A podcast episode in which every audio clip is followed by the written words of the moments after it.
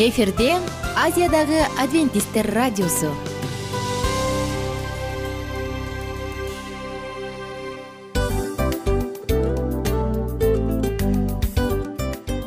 Достор салют. Баардык сүйүктүү угармандарыбызга салам айтабыз. Кутман күнүңүздөр менен.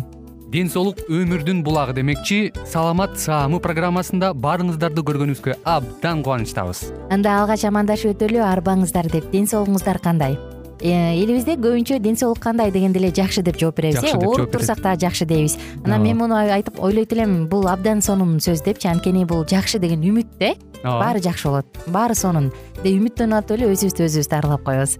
Анысы кандай сиздин дагы ден соолугуңуз жакшы беш деген үмүттөбүз чындыгында ден соолук бул өмүрдүн булагы деп бекеринен айтылган эмес деп ойлойм. Кыргыз элинде анткени эгерде ден соолук жок болсо анда адамдын жашоосунда калган баардык керектүү маңыздуу нерселер өзүнүн баалуулугун жоготуп коет. Ошондуктан ден соолук бул эң керектүү нерсе. Ооба туура айтасың кесиптешим. Чынында ден соолугуң жок бир эки үч күн ооруп калсаң эле э кандай болуп калат? Жашоодо көз каранды болуп каласың көп нерсеге жетишпей каласың көп нерсени кыла албай каласың жада калса эшикке дүкөнгө да чыга албай каласың. Туптуура анан ден соолук болсо демек биз биздин бактыбыз тотой деп койсок болот. Анда достор саламат саамы рубрикабызды баштайлы. Алдыда өзүңүзгө керектүү болгон сонун кеңештерди уга аласыздар. Мына ошондуктан биз менен бирге болуңуздар. Ал эми биз болсо милан жана айнура. Кеттик алга. Алга саламат саама ден соолуктун жарчысы. Саламат саама ден соолуктун ачкычы. Күн сайын сиз үчүн мыкты кеңештер сонун жаңылыктар кызыктуу фактылар биздин рубрикада.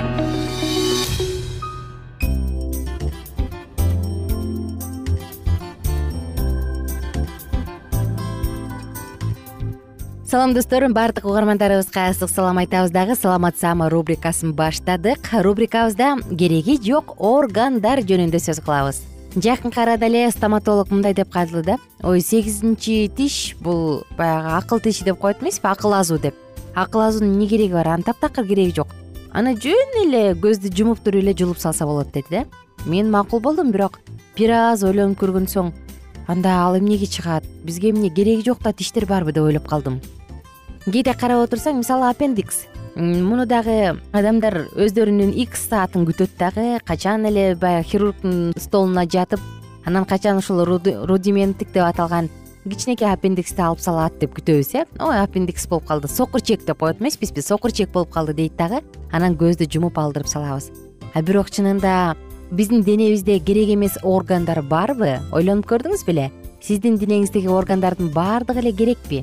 Келиңиздер бүгүн ушул уктуруубузда дал ушул керек эмес органдар жөнүндө сөз кылып көрөлү. Көптөгөн жылдар мурун миңдеген жүздөгөн жылдар бою адамдын денесиндеги кээ бир органдар кээ бир бөлүктөр керек эмес болуп саналган. Алар жөн гана рудименттик болуп саналчу рудименттик орган бул адамдар баягы илгертен айтып келген эволюциянын натыйжасында калып калган дешет бирок чын эле ошондойбу. Адамдын денесинде керек эмес орган барбы? Кененирээк карап көрөлү. Эң эле биринчи биздин тизмеде бул куймулчак турат. Куймулчак арка омурткасынын төмөнкү бөлүгү кээ бирлери аны куйруктан калган же жаныбарлардын арка белинин куйругу деп эсептешет. Эволюция деп эсептейт. Бирок достор бул жерде эч кандай эволюция жок. Куймулчак бул атрофия болгон куйрук эмес. Бул омуртканын маанилүү ролду ойногон бөлүгү. Биринчиден ал жамбаш сөөгүн стабилизациялайт. Экинчиден ал жамбаштын зара жана заңын кармап туруучу бул чуң жана байланыштардын чокусу эң эле бийик. Үчүнчүдөн айымдар төрөт маалында куймулчак артка жылат дагы төрөөчү канал кеңейет. Төртүнчүдөн жамбаш сөөгүнүн анатомиялык структурасында куймулчак физикалык нагрузканы бөлүштүрүүдө маанилүү ролду ойнойт караңыздарчы достор. Эң башында ой бул керек эмес ой мунун эмне кереги бар?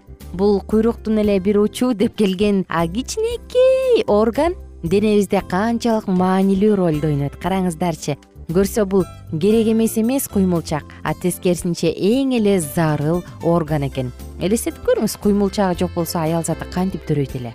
Мүмкүн эмес.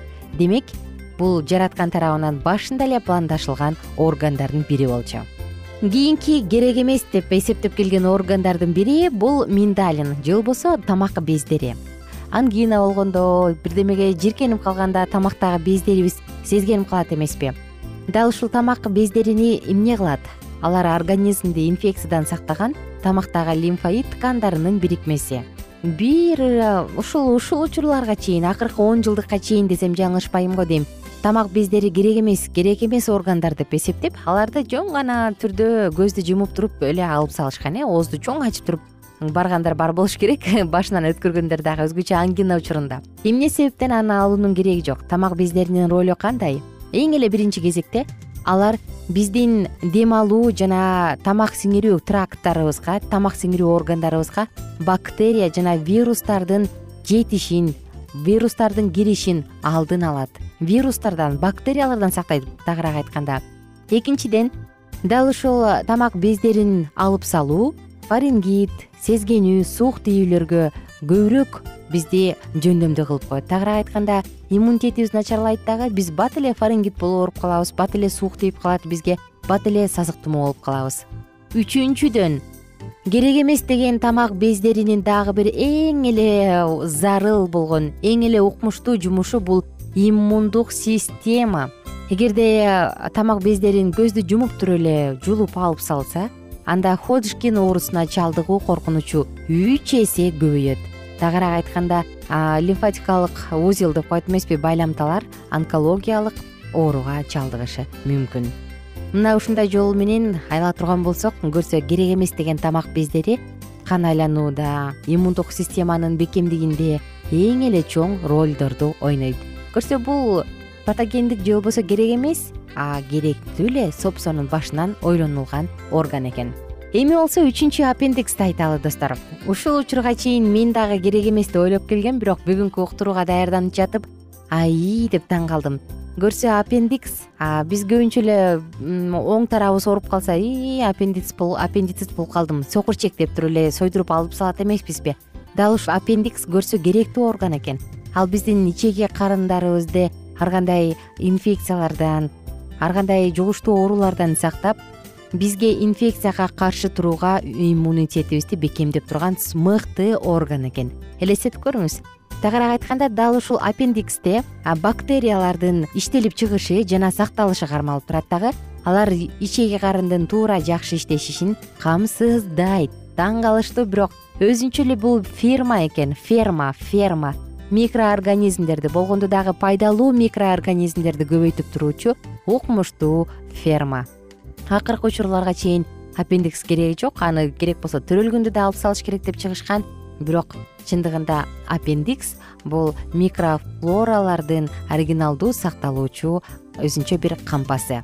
Достор тамак бездери өпкө үчүн кандай керек болсо ичеги карындын туура иштеши үчүн аппендикс ошондой эле керек мынакей сиздер менен бүгүн керек эмес деген бир нече мурдатан бери эсептеп келген мурдатан бери керек эмес деп эсептеп келген органдар жөнүндө сөз кылдык. Албетте бул жөнүндө айта турган болсок дагы көп рудименттик органдар деп айтып келгенбиз көрсө булардын рудименттик эмес экендигин билдик. Саатыбыздын аягында эмне дейбиз достор?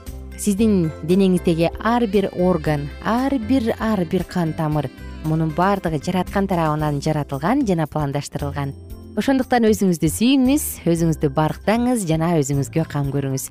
Оорубаңыздар достор. Адамдын эң эле биринчи байлыгы бул ден соолук эмеспи ошондуктан сизге беш деген ден соолук каалайм жана беш деген маанай дайым болсун. Кийинки уктуруулардан амандашканча сак саламатта туруңуздар күнүңүздөр мыкты маанайда улана берсин саламат саама ден соолуктун жарчысы. Саламат саама ден соолуктун ачкычы. Күн сайын сиз үчүн мыкты кеңештер сонун жаңылыктар кызыктуу фактылар биздин рубрикада. Салют замандаштар баарыңыздарга ысык салам. Дил маек программабызга кош келиңиздер. Дил маек рубрикасы дегенде эле бул эмне болгон дил маек ким менен маектешебиз деп сурайт болуш керек угармандарыбыз бул рубриканы кыскача тааныштыра кете турган болсок ар тарап кесип ээлеринен болгон сонун интервью кеңештер бар. Ооба. Жылдыздар менен болгон маек бар. Аталарыбыздын агаларыбыздын чоң аталарыбыздан сонун кеңештер бар. Ошондой эле эже сиңдилердин кеңештери бар. Айтор баардык кызыктардын баары алдыда негизи эле адам баласы бир кимдир бирөөнө ишенип сырын ачкысы келет эмеспи э мындай баарлашууга жакын келебиз го. Албетте. Негизи бир жерге отуруп алып кенен шашпай баягы жүрөктөн жүрөккө ачып сырларыбызды ар кандай көйгөйлөрүбүз менен бөлүшүп баягы чын жүрөктөн маек курганды кимибиз сүйбөйбүз э? Ооба десең ал нерсеге суусап да келебиз да. Ооба кээ бирде адамга чындыгында баягы э, ысык маек баягы жылуу маек жетишпейт да. Ошондуктан биз ушул рубриканы ойлоп тапканыбызда эң биринчи эле достор сиздер менен чын жүрөктөн бир маңыздуу темаларды козгоп кеткени э, кааладык. Ошондуктан ушундай сонун бир рубриканы тартуулап жатабыз. Анын үстүнө радио дагы сонун дос да анткени э, мындай учурда досуңа айтсаң досуң досуна айтат досу досуна айтат да анан бүт өлкө билип калышы мүмкүн го. А радио болсо сени сатпаган сенин айыбыңды ачпаган сенин сырыңды эч кимге айтпаган сонун досмун ошондуктан биздин алдыдагы айта турган кеңештерибизди биздин досторубуздун кеңештерин угуп анан ал жака пикириңизди дагы калтырып кайрадан биз менен байланышсаңыздар болот. Деги эле жашооңузга эгерде кичине болсо дагы өзгөрүү алып моралдык жактан нравовик жактан сонун бир кеңештерди алсаңыз демек биз максатыбызга жеттик. Ооба. Чыңгыз атабыз улуу жазуучу э, чыңгыз айтматов айткандай адам болуу бул күнүмдүк процесс экен. Күн сайын адам бойдон калуу бул адамзатка эң эле кыйын дейт э? э эң кыйын дейт. Чындыгында бунун негизинде адамдын эң баягы сапаттуулугу адамдын э, адамгерчилиги жана көптөгөн керектүү нерселер.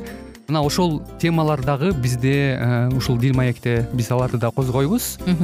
Ден соолук жөнүндө да сүйлөшөбүз. Сөзсүз түрдө анан милан мырза негизи айтып коюшат го. Биз көбүнчө эмнени ойлонсок ошол нерсеге карата иш кылабыз го. Ооба. Анан анысы кандай? Балким бул радио баракчада кимдир бирөөнүн оюн текшергенге жардам берет кимдир бирөөнүн жүрөгүн текшергенге жардам берет. Балким кимдир бирөөгө жашоонун маңызын тапканга жардам берет айтор кызыктын баары алдыда бул жөн гана кыскача жарнама анда угармандарыбыздын баардыгын кийинки рубрикабызга чакырабыз. Ал эми кызматта маңдайымда отурган кесиптешим милан жана мен айнура анда эмесе биз даярдаган терең терең ойлор менен таанышууга кеттик. Алыс алыс баралык. Анда эмесе достор биз менен бирге болуңуздар. Алдыда эң кызыктуу маалыматтардын баардыгы бир нече мүнөттөр бою жалгыз гана сизге арналат мына ошондуктан жакшы маанай менен угууну каалайбыз. Үн алышканча. Жөнөдүк. Ар түрдүү ардактуу кесип ээлеринен алтын сөздөр жүрөк ачышкан сыр чачышкан сонун маек дил маек рубрикасында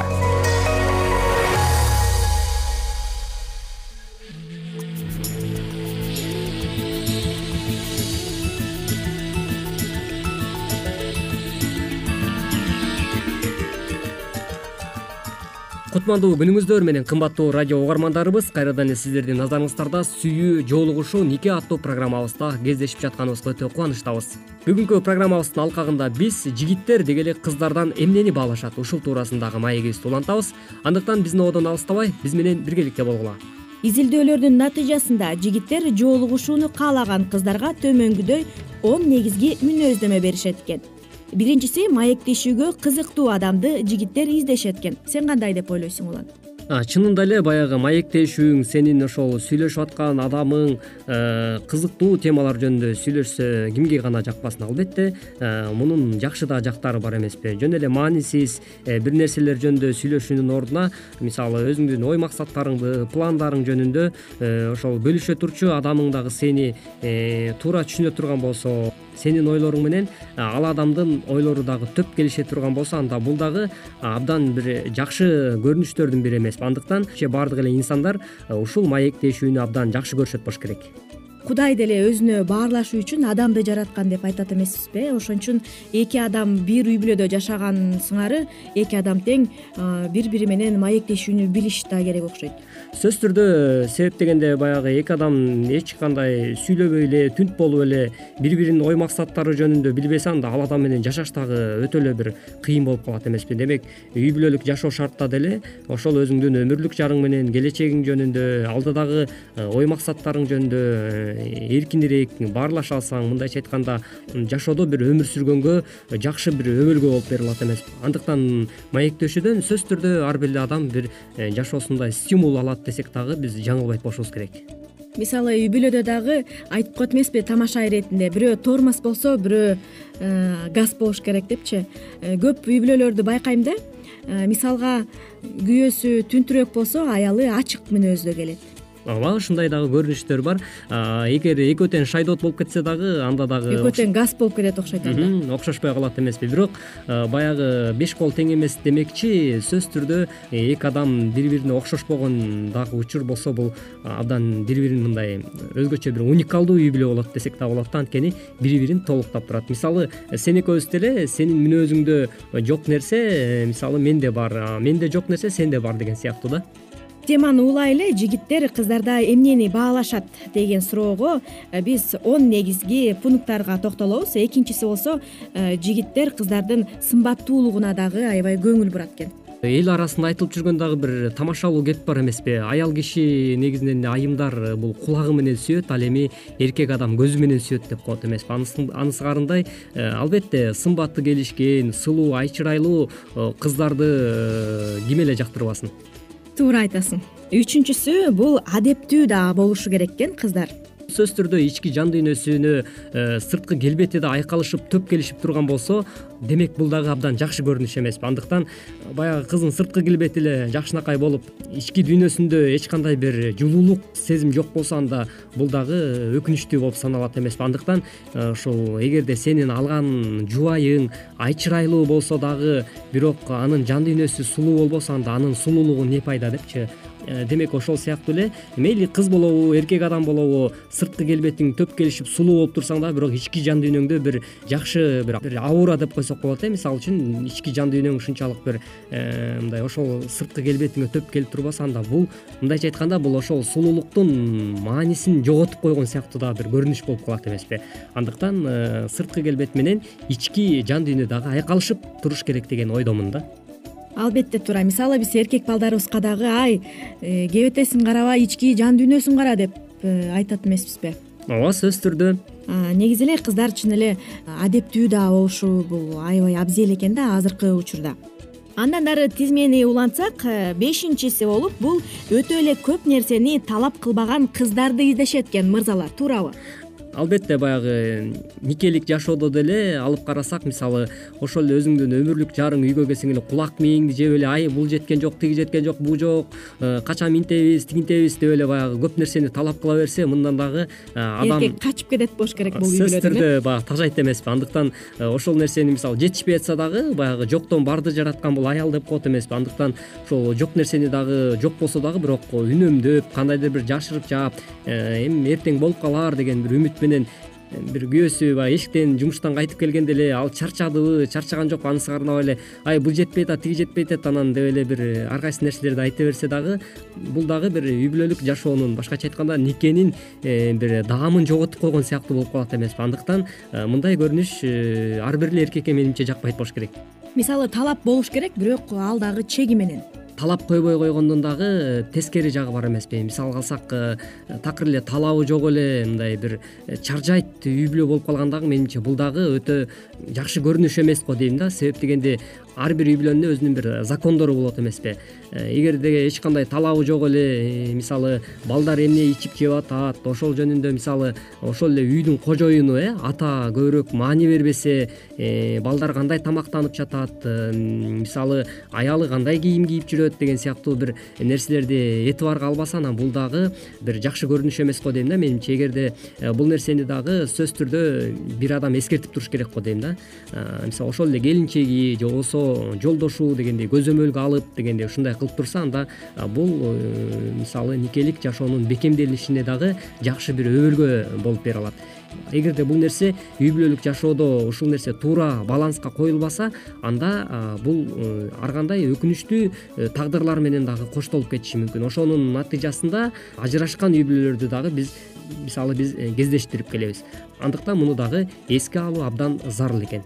Туура айтасың биз жогоруда айткандай эле он тизмектин э, э, бешинчиси болуп бул тыкаандык дагы эсептелет экен сөзсүз түрдө тыкаандык дагы баягы никелик жашоодо болуш керек деп ойлойм. Себеп дегенде тыккан мисалы өзүңө жарашыктуу кийинип мисалы анан үй бүлөлүк шартта деле мисалы ар бир нерсе өзүнүн ордунда турса анткени үйдүн ичинде кожойке бул айым болуп саналгандыктан ошол айым өзүнүн мисалы ошол жата турчу бөлмөсүн же болбосо үй ичиндеги э, бөлмөлөр таза дайыма мындай иреттелүү болуп турган болсо анда бул кимге гана жакпасын.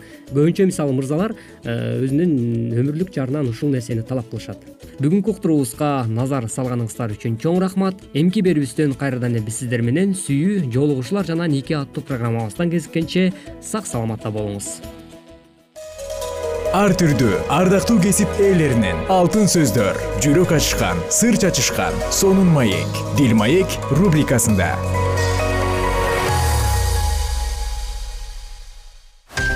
Жан дүйнөңдү байыткан жүрөгүңдү азыктанткан жашооңо маңыз тартуулаган жан азык рубрикасы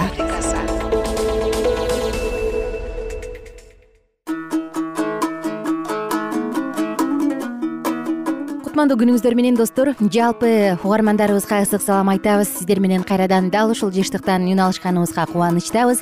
Жана баарыңыздарды улуу күрөш китебин бирге тыңоого чакырабыз. Биз менен бирге болуңуздар.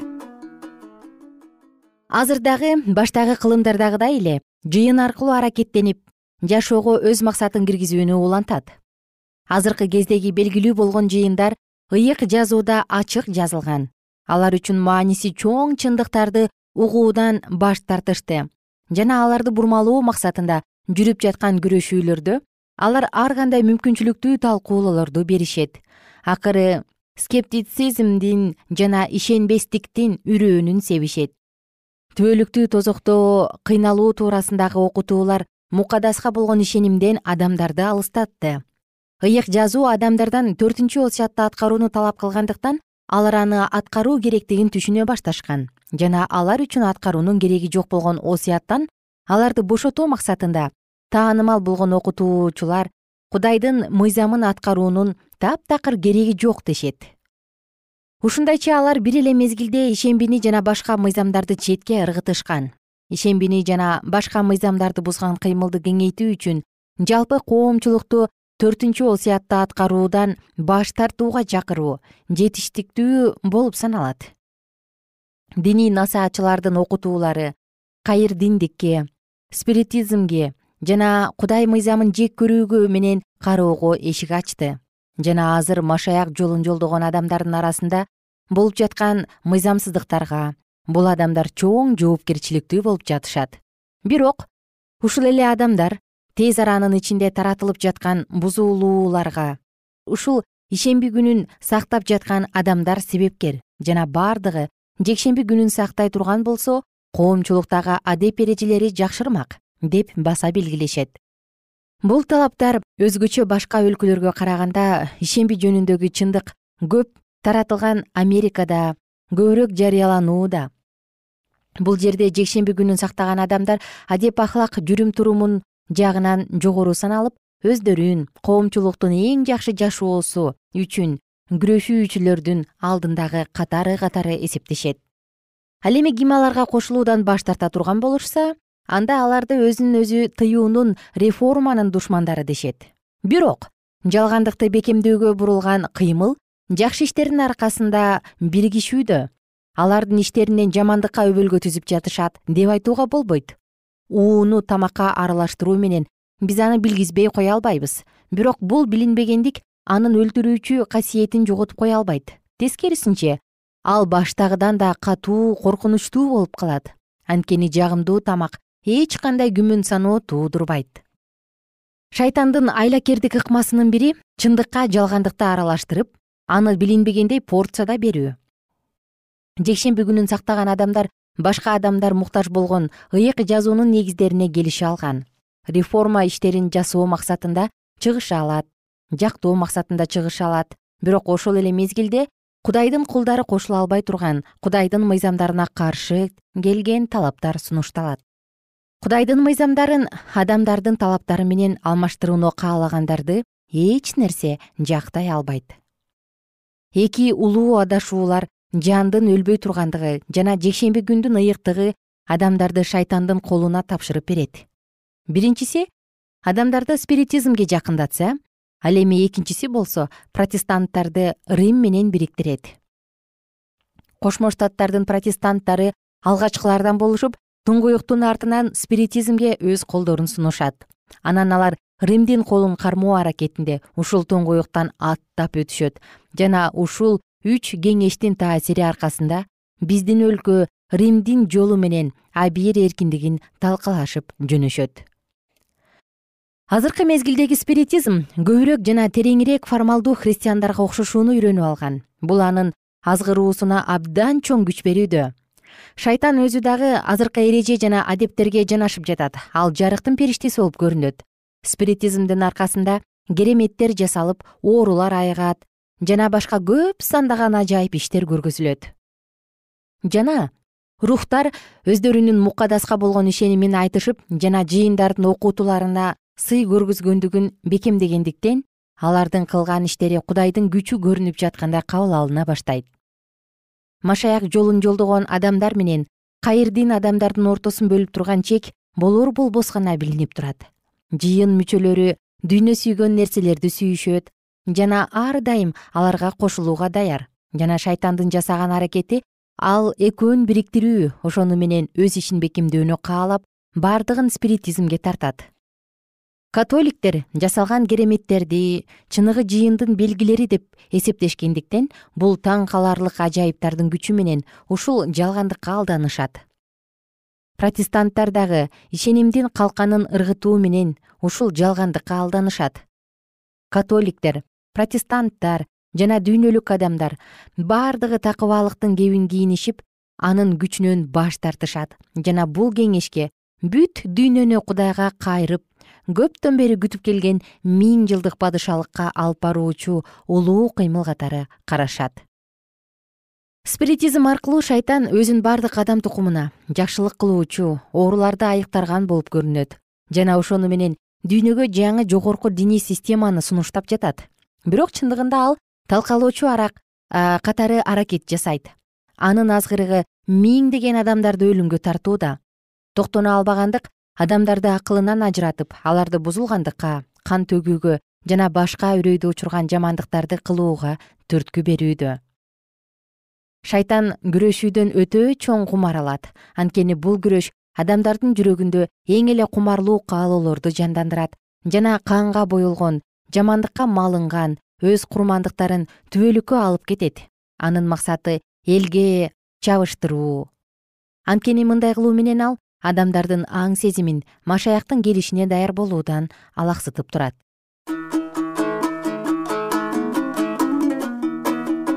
Кымбаттуу угарман сиздер менен бүгүн дагы улуу күрөш китебинен сонун үзүндүлөрдү бирге окуп өттүк бүгүнкү күнүңүз бааталуу болсун. Бүгүнкү күнүңүз сизге эң сонун көз ирмемдерди тартууласын бактылуу болуңуз жана кайрадан амандашканча сак саламатта туруңуздар. Баарыңыздарга ийгиликтүү күн.